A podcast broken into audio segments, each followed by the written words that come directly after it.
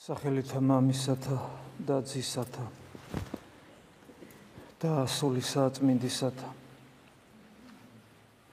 როდესაც უფალი ახალი აღთქმის პერიოდში მდგომარეობაში ყოფ ადამიანებს გვესაუბრება გვიჩვენებს გზას რომელიც რა თქმა უნდა თავად არის მაგრამ იმისათვის რომ ქრისტე ჩვენთვის გზა გახდეს იმისათვის რომ ეს გზა დავინახოთ იმისათვის რომ არ შეუშინდეთ ვიწრო და ეკლიან სირთულებს ვიწრო გზაზე მავალ ეკლიან სირთულებს იმისათვის რომ შევძლოთ ვიპოვოთ ის ვიწრო კარიბჭე, რომელსაც მრავალი ეძებს და ცოტა პოულობს. ამისათვის საჭიროა გარკვეული მიმართულებები ჩვენს პირად სულიერ ცხოვრებაში და არ არის საკმარისი ძველი აღთქმისეული მცნებები, რომელიც კონცენტრირებულია ათ მცნებაში. არ არის საკმარისი რაღაცების აკრძალვა, არ არის საკმარისი აშკარა უზნეობი უზნეო ცხოვრებისაგან სასიკვდილო ბრალეულობისაგან გათავისუფლება. იმიტომ რომ ახალი აღთქმის ადამიანი იმით განსხვავდება ძველი აღთქმის ადამიანისგან რომ იგი ღვთის ბრძანებით გარედან კი არ არის შეზღუდული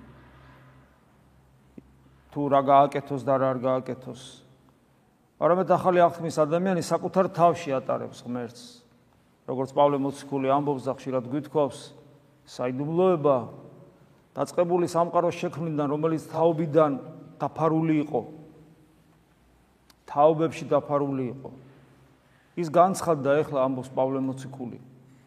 და ახალი აღთქმის ადამიანებს, ანუ წმინდანებს, წმინდანებს, წმინდა არის ის, ვინც უფალთან შეერთებულია, მიეცათ. და სწორედ ეს საიდუმლოება მომენტომე ამბობს პავლე. ამ საიდუმლოებას გიცხადებთ და ძალიან მოკლედ ამბობს, რა საიდუმლოებაა ეს? რა საიდუმლოება არის ეს? ეს არის ქრისტე თქვენში, ქრისტე ჩვენში, ანუ ღმერთი ჩვენში.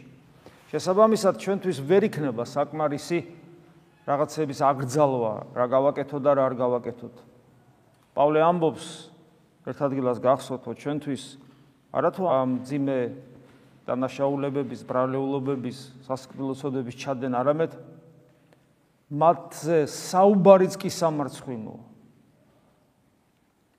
მაგრამ მეორე მხრივ ის რაც ჩვენს ბუნებას ღვთისტაზრად ამზადებს ის რაც ჩვენს გულს განწმენს რომ მასში დავინახოთ ღმერთი და მისით დავინახოთ ღმერთი იმიტომ რომ ჩვენ სხვანაირად ღმერთს ვერ დავინახავთ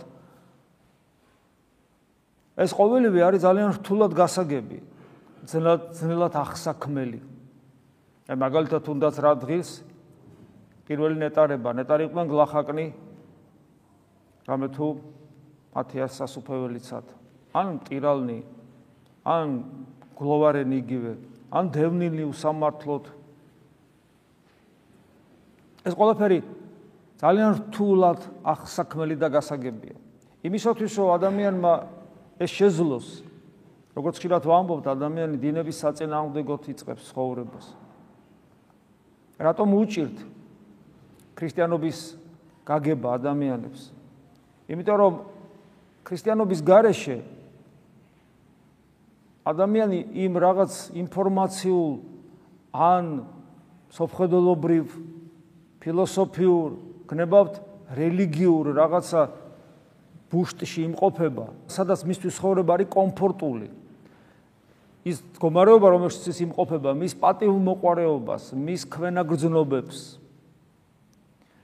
ამებს, მის სიამეთ მოყვარეობას კვებავს აქ თუ მარადისობაში. პატიმოყარეობას აამებს აქ თუ მარადისობაში. მის ინდივიდუალიზმს აძლიერებს აქ თუ მარადისობაში.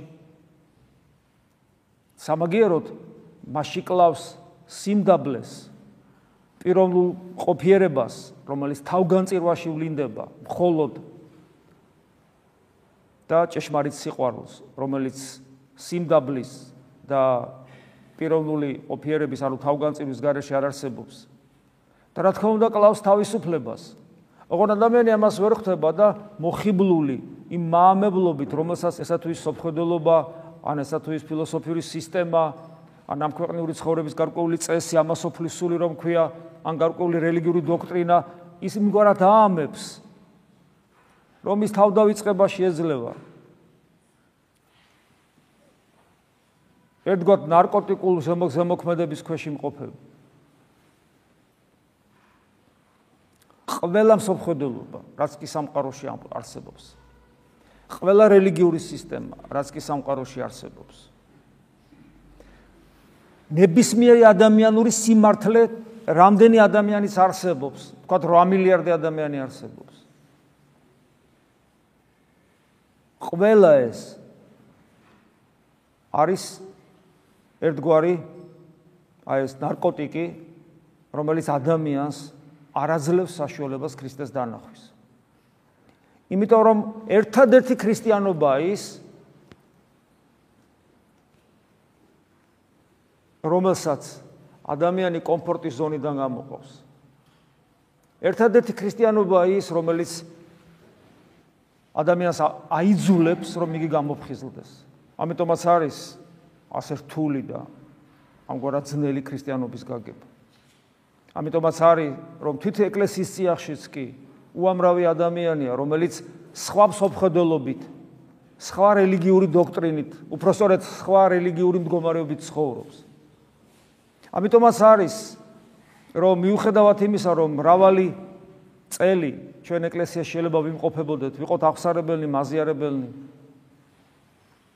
მაგრამ არ გვიყვარდეს ლოცვა არ გვიყვარდეს ევქარისტიული ცხოვრება. არ გვიყვარდეს წმინდა წერილი. არ გვიყვარდეს წმინდა მამების კითხვა.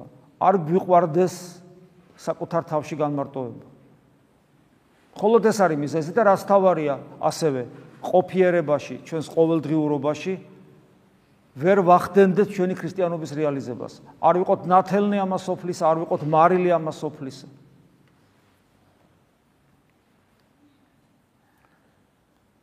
და ამიტომაც უდიდესია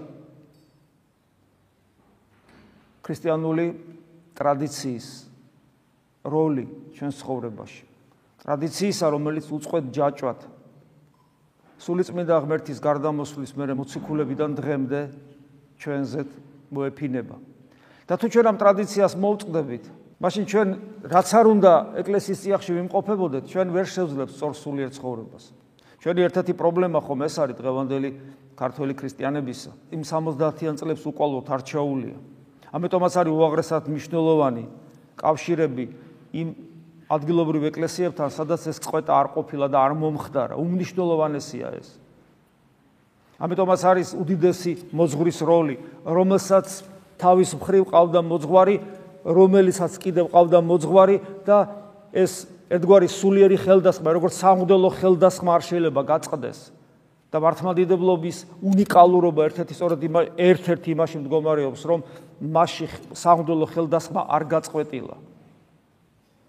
დღე ნებისმიერი სასულიერო პირი მართლმადიდებელი ეკლესიისა. ცოცხლები ვინც არიან, უწყვეტი ჯაჭვის უკანასკნელი რგოლები არიან, რომელთაც საწყისი არის მოციქულები. და მათზე გარდამომავალი სულიწმინდა ღმერთი. და ეს ნიშნავს იმას, რომ ჩვენ განვისწავლებით ორი რამით: თეორიული ცოდნით და მადლმოსილების უწყვეტი ჯაჭვით, მაგრამ არა მხოლოდ მღვდლობის ხელდასხმითი ჯაჭვით, არამედ მოძღვრობითი ჯაჭვით, აი როგორც გიორგი თაწმედელი ამბობს, რომ ვერავინ მოძღვის garaშე ვერავინ გადარჩება. ჩვენ თუ ეკლესიის ისტორიას გადავხედავთ, თითქმის ვერ ვნახავთ, მე ხშირად მithქვავს ეს თქვენთვის, თითქმის ვერ ვნახავთ ვერცეთ ადამიანს, წმინდანს, რომლის ცხოვრებასაც ვკითხულობთ, რომელსაც მოძღვარი არ ყოლია. შეუ თითქმის მე უბრალოდ არ მახსენდება, ალბათ არსებობს, რა თქმა უნდა, გამონაკლისებიც, იმიტომ რომ ღმერთი კანონის მიღმა, ღმერთი კანონ შემოქმედი და კანონზე მაღლა და ამიტომ ვისაც უნდა, როგორც უნდა ისე მისცემს მე-11 ჟამის მუშაკის არ იყოს, მაგრამ უბრალოდ არც მახსენდება, ეხლა რომელიმე წმინდანი თქვა, კი, თქვა ესე შეიძლება ზოგს ეს კლასიკური სახით მოძღვარი არ ყოლია, თქვა იგივე იოსებ ბისიკას. მაგრამ იოსებ ბისიკასი სწავლობდა ყველასგან, ვინც იყო მატარებელი ამ უწყვეტი მადლისმიერი მემკვიდრეობის, რომელსაც წმინდა გარდამოცემა ქვია. წმინდა გარდამოცემა ინფორმაციული გარდამოცემა კი არ არის. უბრალოდ ინფორმაცია წიგნებში წერია. წმინდა გარდამოცემა ეს არის მადლისმიერი გარდამოცემა. როცა როცა ხელდასხმის ხელდასხმდულო ხელდასხმა სხვა არის, მაგრამ როცა ერთ ადამიანიდან მადლი მეორეში გადადის და ასე შემდეგ უწყვეტი ჯაჭვით. ამიტომაც აი დღესაც პავლე მოციქული გვეუბნება, რომ დაემორჩილოთო თქვენს წინამძღვრებს და ქედი მოიდრიკეთ მათ წინაშე, ვინაიდან ფხიზლობენ თქვენი სულებისათვის. შეიძლება ადამიანმა თქვას, რომ ეს იმაძია ლაპარაკი, ვინც ფხიზლობს. დიახაც, იმაძია ლაპარაკი, თუმცა იონოკროპირი იქვე შენიშნას აკეთებს, რომ თქვენ ნუ დაინტერესდებით მათი ცხოვრებით. უპირველეს ყოვლისა თქვენ კონდეთ ის სიბძნე და გონიერება, რომ განსაზღვროთ, რას ასწავლიან ისინი და რას ლაპარაკობენ. უპირატესად ამას ვიდრე იმას თუ პირადი ცხოვრება როგორი აქვს იმიტომ რომ ისინი პირადი ცხოვრების გამო საკუთარი პირადი ცხოვრების გამო ღვთისინაში პასუხს აგებენ რა თქმა უნდა მაგრამ თავარია მათი სიტყვა მათი ღვთისმსახურება რამდენად არის ის რაც უნდა იყოს მართლმადიდებელი მღვდლის სიტყვა და მსახურება მართლმადიდებელი მოძღვრის სიტყვა რამდენად აქვს მას კავშირი ამ მადლმოსილ მემკვიდრეობასთან. აქვს თუ არა აქვს ეს კავშირი? ამიტომაც არის, რომ განსაკუთრებულ პატივს მიაგებენ მართლმადიდებელ ეკლესიაში ზოგადად წმინდანებს. თან საოცარი რა არის, ნახეთ, ზოგ შემთხვევაში, ზოგ შემთხვევაში. წმინდანისადმი ატივისცემა რაღაცნაირად განსაზღვრულია გვესმის რატო ვაკეთებ და მაგალითად მაგალითად იოსების იქას ვიცით რატო მივაგებთ პატივს. კითხულობთ მის წერილებს, ვიცით მისი ცხოვრება, მისი დარიგებები. გრიგო ხანძთელი არ ვიცოდით მთელი საუკუნეები დაკარგული იყო და ახლა ვიცით, როცა მის ცხოვრებას კითხულობთ, რატომ მივაგებთ პატივს. მაგრამ აი წმინდა ნიკოლოზი, რომლის ხსენებაც არის დღეს, რომლის არაფერი ნაწერი ჩვენ არ აგვაქვს. თითქმის არაფერი არ ვიცით. რაღაც მცირეოდენი ცხოვრებისეული ეპიზოდების გარდა და ეს პატივი მიგება არის განსაცვიფრებელი წმინდა ნიკოლოზის მიმართ. და კითხვა ჩდება და რატომ? რა თქვა წმინდა ნიკოლოზმა? უცნობია, ერთადერთი რაც ტრადიციულად გამოიხატება მის ხატზე და ესეც არ არის საკუთრივ თქვათ წმინდა ნიკოლოზის თქვა საკუთრება, მაგრამ ეს ზოგადად ეკლესიის მიერ მოწოდებული სწავლება, იგი ყოველთვის სახარები წმინდა წერილით ხელშია, რომელიც თითქმის ყველა მღვდელმთავარი ესია გამოსახული. და ამით ეკლესია გვეუბნება, რომ მთავარი არის ის, რომ წმინდა ნიკოლოზი თავის თავში ატარებდა ქრისტეს. და მისგან ვიღებთ ამიტომ საფრთო მადლს. და უცნაური ის არის რომ მიუხედავად იმისა რომ მისი არაფერი არ ვიცით რა დაწერა რა სასწავლიდა და როგორ იყო თქვა რაღაც გარდამოცემებია რომელიც დასტურდება არ დასტურდება რაღაც. მიუხედავად ამისა თელ საქრისტიანოს ყოველთვის და არა მარტო საქრისტიანოს ყოველთვის განსაკუთრებულად უყვარდა ეს წმინდანი. მიზეზი რა არის ამის? მიზეზი სწორედ აი ეს მადლისმიერი გარდამოცემის მასში ძალუმად არსებობა არის რომელიც საუკუნეებს წდება და დღესაც უამრავი ადამიანი წყალობას და შეწევნას იღებს სულიერს თუ ამ ქვეყნიურსაც კი ამ დიდი წმინდანისაგან, რომელიც მრავალ ჩვენგანს საკუთარ თავზე გამოუწდია. წმინდა ნიკოლოზი შეიძლება ითქვას არის ერთ-ერთი აი განსაკუთრებული სახედან იმში მართლმადიდებლობის სიდიადისა, რომელიც ნიშნავს იმას, რომ ეს არ არის უბრალოდ ფილოსოფიური მოძღვრება, თეორიული სწავლება, აა, წავიკითხე და გავიგე, არამედ ეს არის მადლის მიერი მდგომარეობა, რომელიც ძალიან ხშირად საერთოდ ალოგიკურად საერთოდ საიდუმლოებრივად გვეძლევა ისე რომ ახსნა არაა და ის წმინდა نيكოლოზი არის სწორედ ერთ-ერთი ესეთი წმინდანი. და ჩვენი მისდამი დამოკიდებულება და კიდევ მეორებ ჩვენ კიდე ჩვენ კიდე ქრისტიანები ვართ და გარკვეულ ტრადიციას ვატარებთ თვით არაქრისტიანების არაქრისტიანებისაგან განაც მისდამი დამოკიდებულება ერთი ძალიან დიდი საიდუმლოებრივი სასწაულია რაც ეკლესიის წიაღში აღესრულება კიდევ ვიმეორებ რომელიც კიდევ ერთხელ აჩვენებს მადლმოსილება მადლმოსილების ნიშნულობას უპირატესობას და ის რომ თავარი სწორედ ეკლესიაში საფრთხო მადლია და არა თეორიული ცოდნა თეორიული ცოდნა უბრალოდ განამტკიცებს იმ მადმოსილებას, რომელსაც ჩვენ გზნობთ, განვიცდით, ცოცხლობთ და მისით ვარსებობთ. ასე რომ თუ ჩვენ გვინდა რომ ქრისტიანობა გავიგოთ, არა თეორიულად, თეორიულადაც ასე რომ არა მხოლოდ თეორიულად, არამედ რას თავარია არსობრივად ჩვენ ამ იმ უწყვეტი ჯაჭვის ორგანული ნაწილი უნდა ვიყოთ. რომელიც მოციქულთა დროიდან მომდინარეობს. ჩვენ უნდა გვიყვარდეს წმინდა წერილის და წმინდა მამების კითხვა. ვინ წმინდა მამებს არ კითხულობს ის მოწყვეტილია ქრისტიანულ ცივილიზაციას და თავისი შინაგანი მდგომარეობით უბრალოდ ვერ იქნება მართლმადიდებელი. იმიტომ რომ მართლმადიდებლობა სწორედ აი მე 2000 სლოვან ტრადიციას ნიშნავს, რომელიც მადლობა ღმერთს, რომ არსებობს ფიზიკურადაც ციგნების სახით და აუცილებლად უნდა კონდეს ის გონიერება, რომ აუცილებლად კონდეს წვდომა, წვდომა ტრადიციასთან ცოცხალი ადამიანების სახით. ციგნების სახითაც, მაგრამ ცოცხალი ადამიანების სახითაც.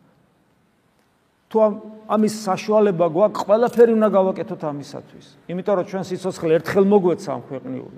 ერთხელ გარდავიცვლებით და ერთხელ წარუდგებით ღვთის წინაშე. ძალიან ბევრ დროს ვკარგავთ. ერთ-ერთი რაც არის გასაკეთებელი, ჩვენ ვიცოდეთ, რომ რაც ჩვენ გვწამს, ერთი და მეორე, როგორც ჩვენ ცხოვრობთ. ჩვენს რელიგიურ პრაქტიკას გულისხმობ და არა ჩვენს ცოდვიან ცხოვრებას. როგორც ვეძებთ ჩვენ უფალს ჩვენს გულში, ანუ როგორც სწავლობთ ლოცვას და როგორც ვიგებთ წმინდა წერილს, ეს არის ნამდვილი, ნამდვილი და არა ცნობილებით ახსავსე. რომ გარანტირებული ჩვენ ხო ცხონებაში გარანტირებული არც ერთი არა ვართ, არავინ არ ვიცი. ჩვენ იმედი გვაქვს ღვთის მოწყალების, თორე საკუთარი თავის იმედი როგორ უნდა გქონდეს, ხო ვიცნობ საკუთარ თავს, ვინცა ვარ და როგორებიც ვარ. გარანტია რა თქმა უნდა ცხონების არა გვაქვს, ერთადერთი კიდევ ვიმეორებ გარანტია ღვთის მოწყალებაა. მაგრამ იმაში მაინც უნდა ვიყოთ გარანტირებული, რომ გზა, რომელსაც ჩვენ ვარდგავართ, ნამდვილია და ტყუილი არ არის. იცით როგორ ხდება ადამიანი რომ რელიგიური თავის შინაგანი ინტუიციით, რომელსაც ჩვენ ქართული კულტურა გვეხმარება აქ რეალურად და ეს ინტუიცია თუ სწორად ამუშავდება, ხდება მართლმადიდებელი ეკლესიის წევრი და არ ხდება სექტანტი. ეს მარტო სამშობლოს სიყვარული არ არის, თორე ადამიანი რო სექტანტი ხდება, როგორ ვთქვა, მაგრამ მე მის სამშობლოს სიყვარულის მე მე მე ეჭება და საერთოდ ყველაფერი მე ეჭება. ამ ქართულ სინამდვილეში, იმიტომ რომ შენი არ გაგიგია და რაღაცა გადამთიელის მოძღვრებას ისე ისე ეტრფი და ისე შედიხარ იქ რომ საკუთარი არიცი, ეს ხო ესე ხდება რომ საკუთარი საერთოდ ხო არიციან ამ დროს. მაგრამ მარტო ეს არ არის. თავარი აქ მაინც ის რელიგიური ინტუიცია, რომელიც გულის გულის სიღრმეში ეუბნება მას, რომ არა, ჭეშმარიტება აქ არის. და ადამიანი შემოდის და ხდება მართლმადიდებელი ეკლესიის წევრი. ხდება აღსარებელი, ხდება მაზიარებელი.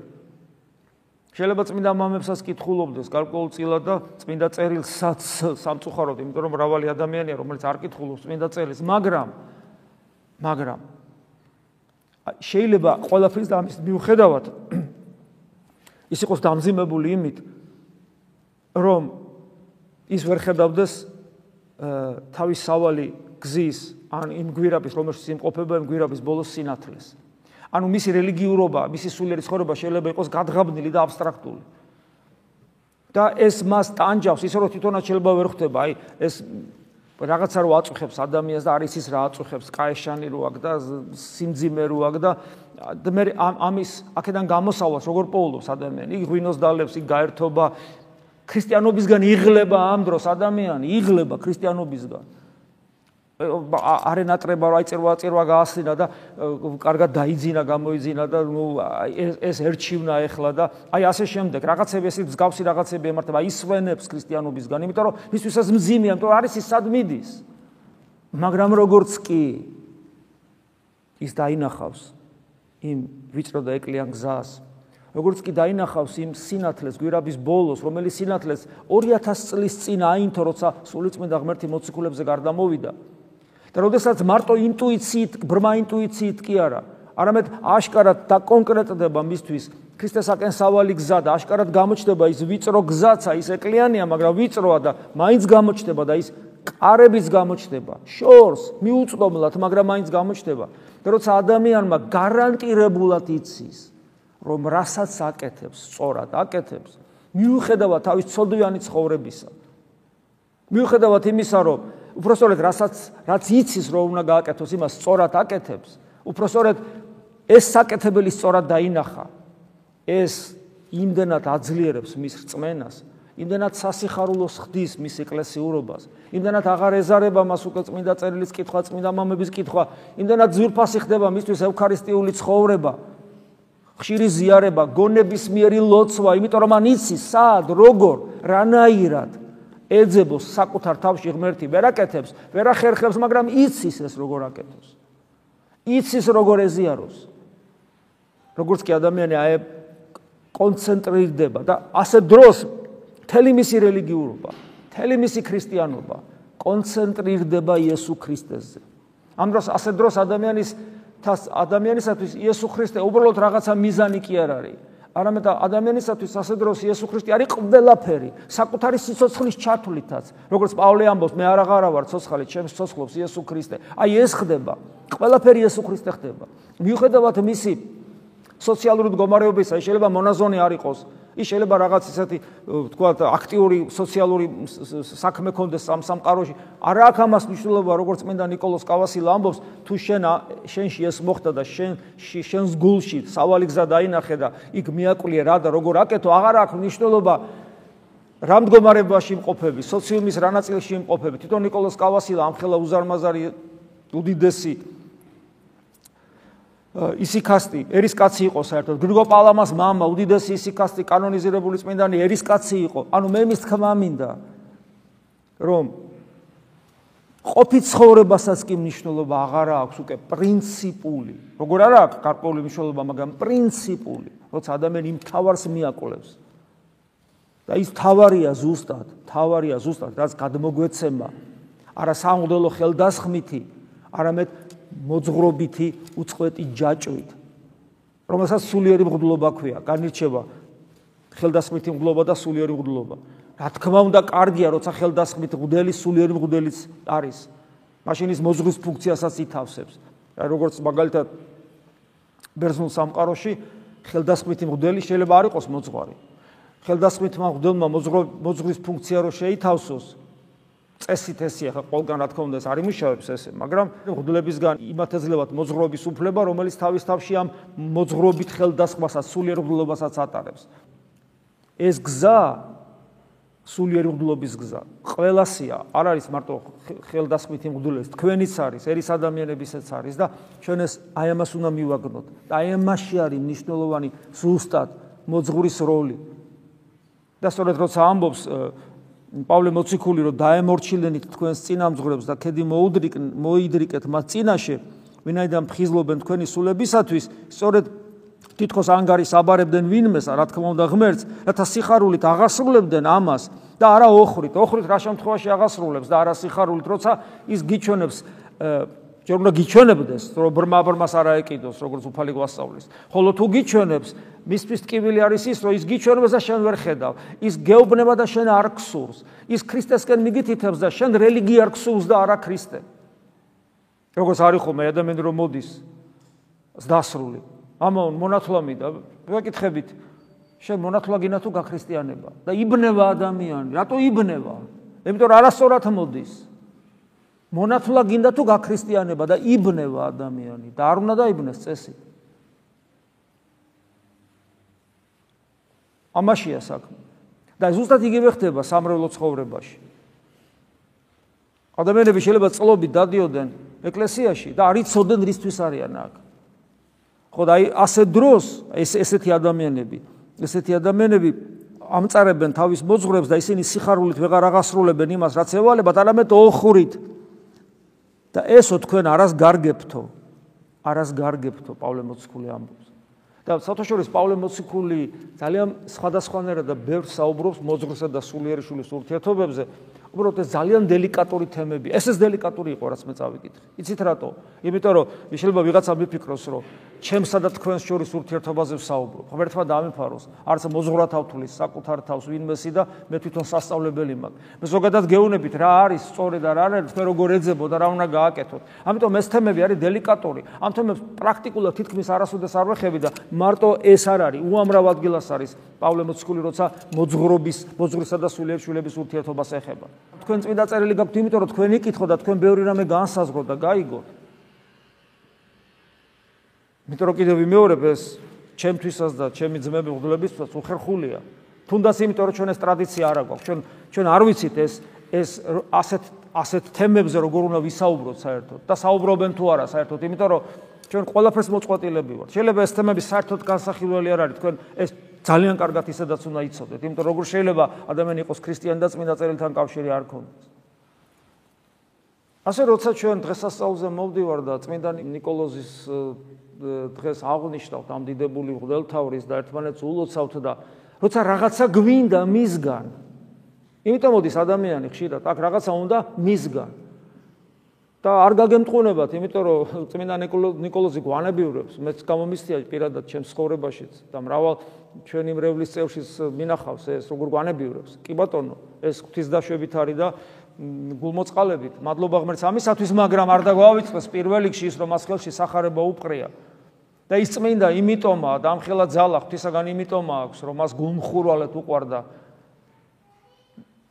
უფალი ჩვენი იესო ქრისტე. და სიმშვიდის ხატია და სიმდაბლის მასწავლებელი არც ეს არ დაგვავიწყდეს თვითონ წმინდა ნიკოლოზი. ამიტომ თუ ჩვენ ეს ყველაფერი კარგად არ გავიაზრეთ, შეიძლება თავის გულმოწყალებით იგი არაქრისტიანებსაც რო ეხმარება. ჩვენ ხშირად ვიგზნოთ მისი დახმარების ხელი, მაგრამ მარადული პერსპექტივას ჩვენ ეს არაფერს არ გვარგებს. პირიქით, მეტი პასუხისგებლობის წინაშე დავდგებით, იმიტომ რომ განგაცდეინა რომ წმინდანები შესაბამისად ღმერთი შენთან არის და შენ არაფერს აკეთებდი იმისათვის რომ ღვთისაკენ სავალი გზა გეძებნა, გეპოვა, მასზე გევლო ღირსებით, იმ ღირსებით, აი როგორც იგივე პავლე მოციქული ამბობს, ისე იცხოვრეთ, რისი ღირსიც არისო უფალი, ჩვენგან რისი ღირსიც არის უფალი. და როცა ჩვენ ასე არ არ არ მოვიქცევით, ყველაფერი წყალობა, რასაც ღმერთი გვაძლევს თვითონ და წმინდანების მეშვეობით, იგივე წმინდა ნიკოლოზის საშუალებით, ყველაფერი ეს ჩვენ ტვირთად გვექცევა და პასუხისგებლობის წინაშე დაგვაყენებს. შეგვეციოს მინდა نيكოლოზი რომ უფლისაკენ სავალი გზაც სწორად გვეპოვოს, ჩვენი რწმენაც გუმხურვალე ყოფილიყოს. ქონოდეს ის სათნოებანი, რომელთა გარეშეც ქრისტიანობა უბრალოდ არ არსებობს, გულისხმობ სიმშვიდებს, სიმდაბლეს, გულმოწყალებას და ყოფილიყავით სავსენი, ცოცხალი რწმენით, გულმხურვალებით, მოუკლებელი ლოცვით და შესაბამისი ناقოფით, რასაც არადიული სიხარული ქვია. ამინ. მადლი უფლისა ჩვენისა იესო ქრისტეს და სიყვარული ღვთისა და მამისა და ზიარება სულისა წმინდის იყოს თქვენ ყოველთა თანა. ამინ.